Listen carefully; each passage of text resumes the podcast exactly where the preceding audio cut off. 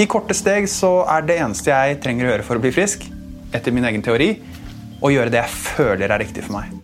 Jeg rett og slett føler for å spise meg frisk og tenke meg frisk. Halvparten av kreftsyke bruker alternativ behandling.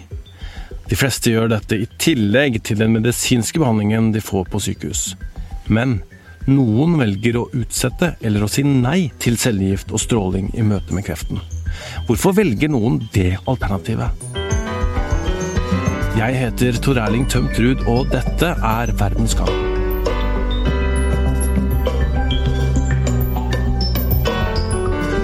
Noen ganger er det enklere å, å ikke nevne hva man gjør, enn å snakke åpent om det, fordi man kan møte veldig stor motstand. Siden alle forventer, og det skjedde også, alle i familien forventet at eh, OK, kreft, da er det cellegift, stråling, følg det doktoren sier. That's it.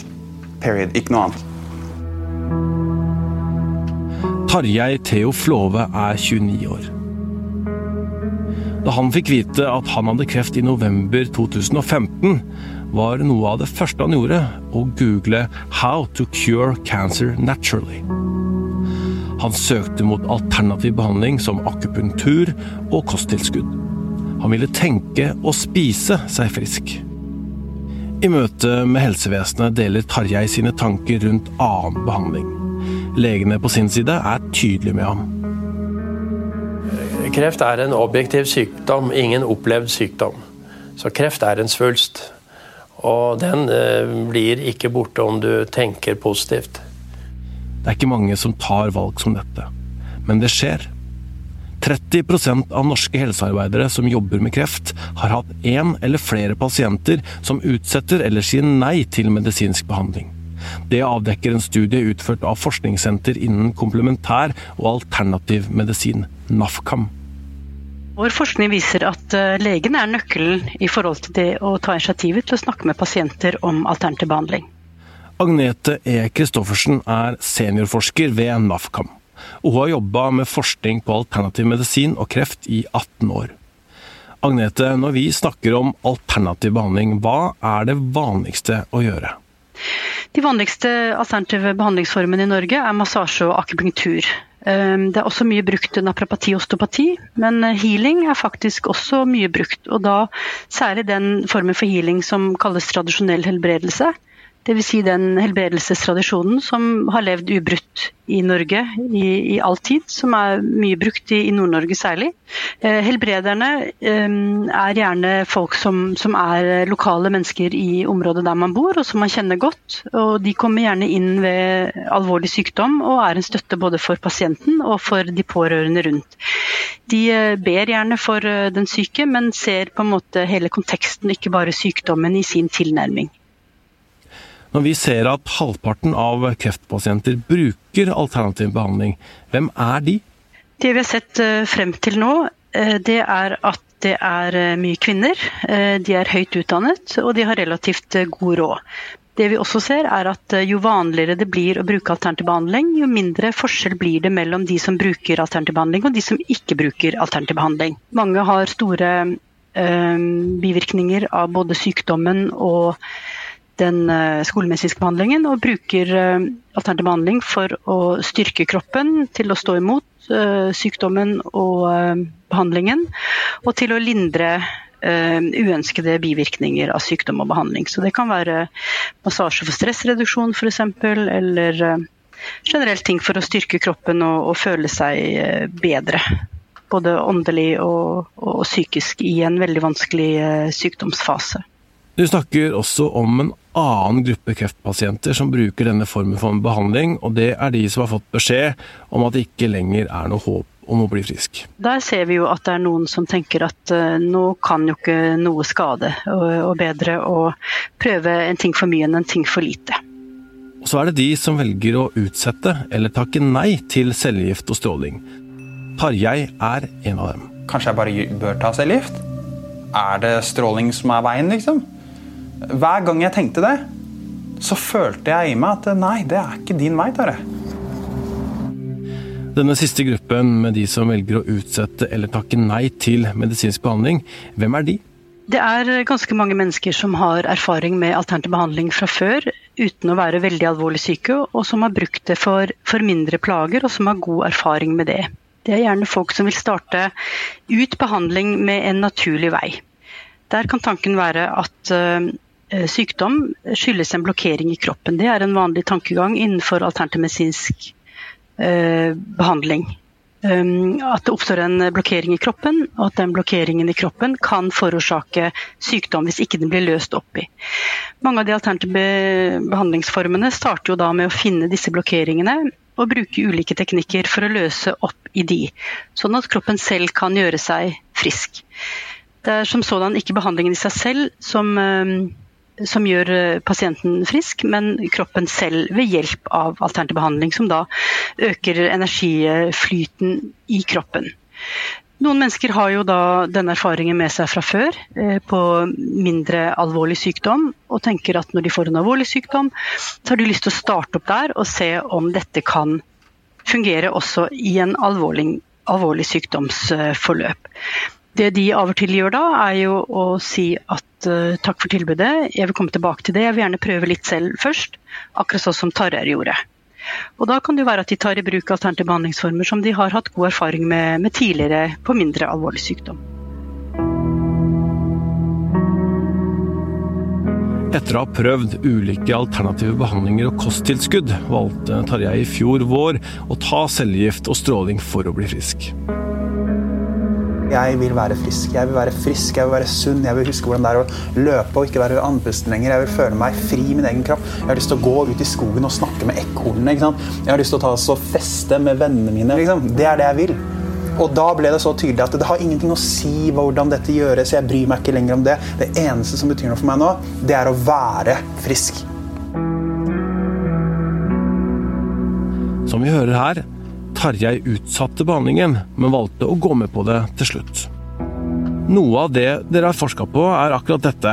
At eh, pasientene skal føle at sykehusdøra alltid er åpen. Mm.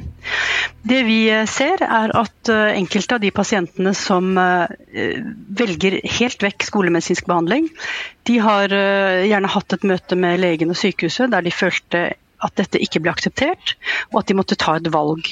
Jeg tror ikke legene bevisst ga de det valget, men opplevelsen hos pasienten var at det ble veldig vanskelig å komme tilbake. Jeg tror noe av det som er veldig flott med Tarjei sin eh, historie, er at vi ser en lege som på ingen måte kan støtte de valgene han tar, men som respekterer han likevel, og som holder den døren åpen. Sånn at for Tarjei så var det ikke et nederlag å ta steget tilbake til sykehuset, fordi at han ble tatt godt imot og han opplevde at den døren sto åpen. Og dette er en veldig viktig nøkkelfaktor i forhold til dette med alternativ medisin uh, og kreft. Det er at legen kommuniserer med pasientene på en måte som gjør at de føler at de når som helst kan komme tilbake og få en, uh, en kurativ uh, skolemedisinsk behandling. Dere har funnet ut at det er bare 18% av legene, ganske få, som snakker med kreftpasienter om alternativ behandling. Selv om mange pasienter både søker og bruker denne type behandling. Mm. Hva sier det deg? Det som vi vet fra forskningen, i hvert fall, det er at mange pasienter opplever at det er vanskelig å ta det initiativet. Uh, fordi de er redd for å bli stigmatisert. De er redd for at legen skal oppleve det som en mistillit. Um, og noen sier også at tenker at det har ikke noe med den medisinske behandlingen å gjøre, så dette er ikke noe legen trenger å forholde seg til. Det legene derimot uh, oppgir som grunn i en del forskning, er at de kan rett og slett ikke nok om alternativ behandling til å, uh, å, å ta initiativet til den, den, samtalen. Jeg tror de kanskje er engstelige for at de tar initiativet, og så får de en masse opplysninger fra pasienten sin, og så kjenner de kanskje ikke godt nok til de behandlingsformene som eh, pasienten refererer til, og så blir det vanskelig å følge det opp på en ordentlig måte. Så det vi tenker om det, er jo at det er eh, viktig at legene setter seg inn litt i de eh, mest vanlige alternative behandlingsformene, og at de også vet at det er steder de kan gå og søke lett tilgjengelig informasjon om dette. I januar kom kreften tilbake. På legekontoret gjør legen rede for hvor kreften sitter i kroppen, og hvilken medisinsk behandling de anbefaler. Tarjei vil tenke seg om. Han bestemmer seg for å gjøre det som føles riktig for å kurere kreften. Det øyeblikket hvor jeg sa ja til cellegift for meg, det var øyeblikket hvor jeg, jeg døde litt. Hvor jeg ga opp hvem jeg var, til fordel for å bli den jeg kan bli. Jeg er mye mer åpen for at det kan skje. At jeg ender opp med å ta cellegift. Selv om det ikke er i det hele tatt veien jeg søker inn på. Jeg ser på det som en kjempefin mulighet, og som jeg mye lettere kan omfavne nå. Agnete, det er jo rett og slett farlig å utsette behandling av kreft. Det er jo ikke noen dokumentasjon på at alternativ behandling faktisk kan kurere kreften. Nei, det stemmer det. Per i dag så har vi ikke forskning som tilsier at uh, enkelte alternative behandlingsformer kan kurere kreft. VG har fått innpass i flere nettverk på Facebook og Instagram. Der er det grupper og sider som diskuterer og deler såkalte kreftkurer, uten cellegift eller stråling. Noen av disse sidene har opptil 150 000 følgere. Det er jo mange mennesker som deler erfaringer og historier, men dette kan vel ikke være utelukkende positivt? Nei, det er klart det er ikke det. Eh, folk som er i en sårbar situasjon er også veldig lett påvirkelig. Eh, det som er problemet er jo at mange deler jo bare deler av historien sin. De har kanskje spist ingefær eller de har eh, tatt sitron og de har følt seg bedre, men det de kanskje ikke legger like stor vekt på i på disse sidene og i dialogen er jo alt det andre de også har gjort, som kanskje er kurativ behandling i helsevesenet. Fordi det er gjerne sånn at hvis du er syk, og du opplever deg syk, eh, og du blir bedre, så er det gjerne det aller siste du gjorde før du følte deg bedre, som du tillenker helbredelsen din til, på en måte. Men det kan jo ha vært mye som har vært gjort i forkant av det, som har ledet opp mot bedringen. Men eh, det er ikke sikkert at enkeltpasienter eh, alltid greier å gjøre rede for hele den helheten når de diskuterer på disse foraene. Og på den måten så kan det jo bli en misforståelse i forhold til hva som faktisk gjorde at folk følte seg bedre. Og det er klart, Særlig hvis du har en kreftsykdom hvor du ikke har håp om, om å bli bra med skolemedisinsk behandling, så er mange ganske desperate. Og da kan det jo være lettere kanskje å bli påvirket av den type informasjon som florerer der. Men når det er sagt, så tror jeg at de fleste medlemmene der de er inne for å følge litt med på hva som skjer. Er det noe man kan gjøre i tillegg? Og så sier de kanskje ikke så mye om det i den gruppen at de også gjør en del andre ting, men de er der for å plukke opp tips til ting de kan gjøre selv i tillegg. Og jeg tror det kanskje ikke kommer så godt frem på de sidene, da. Nå er det jo sånn at uh, Ingenting er jo sensurert på internett, sånn at det er veldig mye uh, informasjon uh, tilgjengelig for eh, kreftpasienter.